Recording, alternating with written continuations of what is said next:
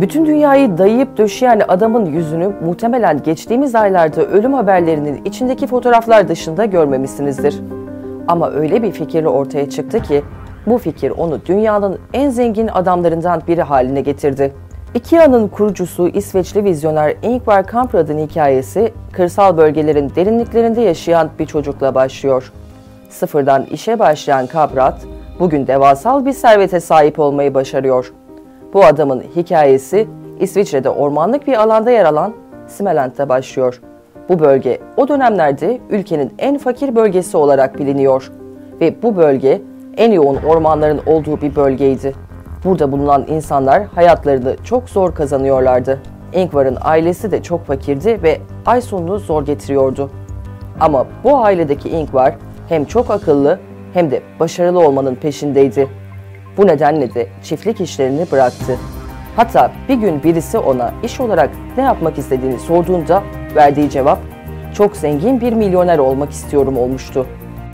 İşte bu adam olacak çocuk 5 yaşında kibritçi kız misali sokaklarda kibrit satmaya başladı.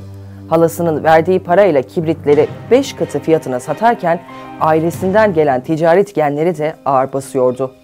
Çünkü dedesi de ticaretle ilgilenirken borçları nedeniyle intiharın eşiğine gelmişti.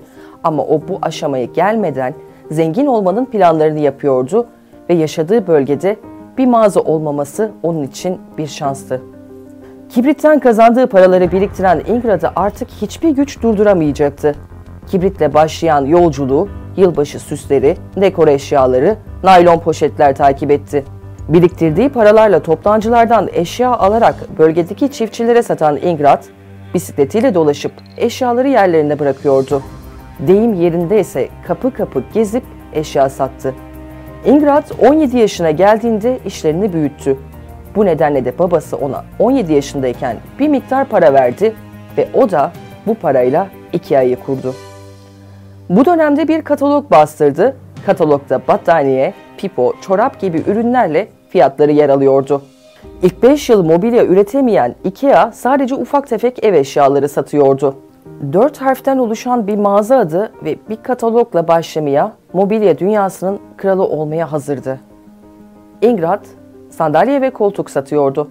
Çiftçiler o zamanlar eski sandalyeleri kullanıyor ve onları değiştirmek istiyordu. Ingrad da mobilya satma işine ve yatırım yapmaya karar vermişti. Ormanlık alanlarda çalışan marangozlara uygun fiyata modern mobilyalar yaptırmaya başladı. İşte IKEA'nın asıl kuruluşu böyle gerçekleşmişti. Ürün almak isteyenler önce katalogdan beğeniyorlardı, sonra o ürünleri satın alıyorlardı.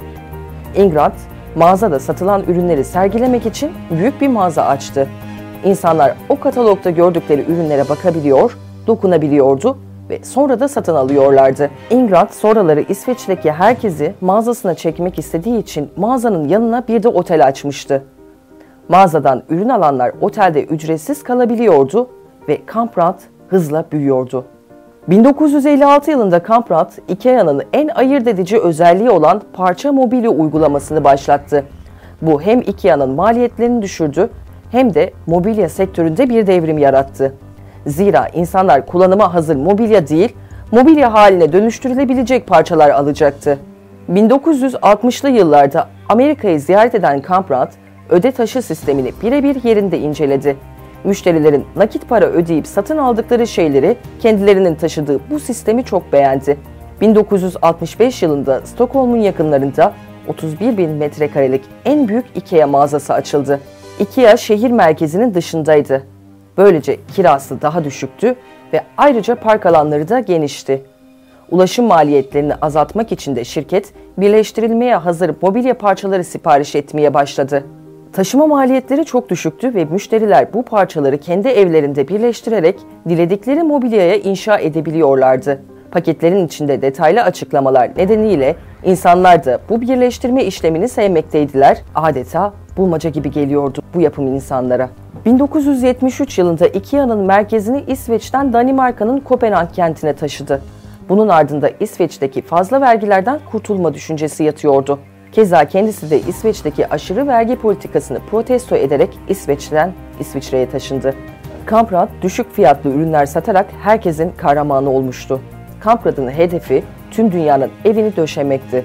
Ikea'nın mağazaları bu aralarda 5 kıtaya yayılmıştı. 50 yıldan az bir sürede dünyanın dört bir yanında mağaza açmıştı.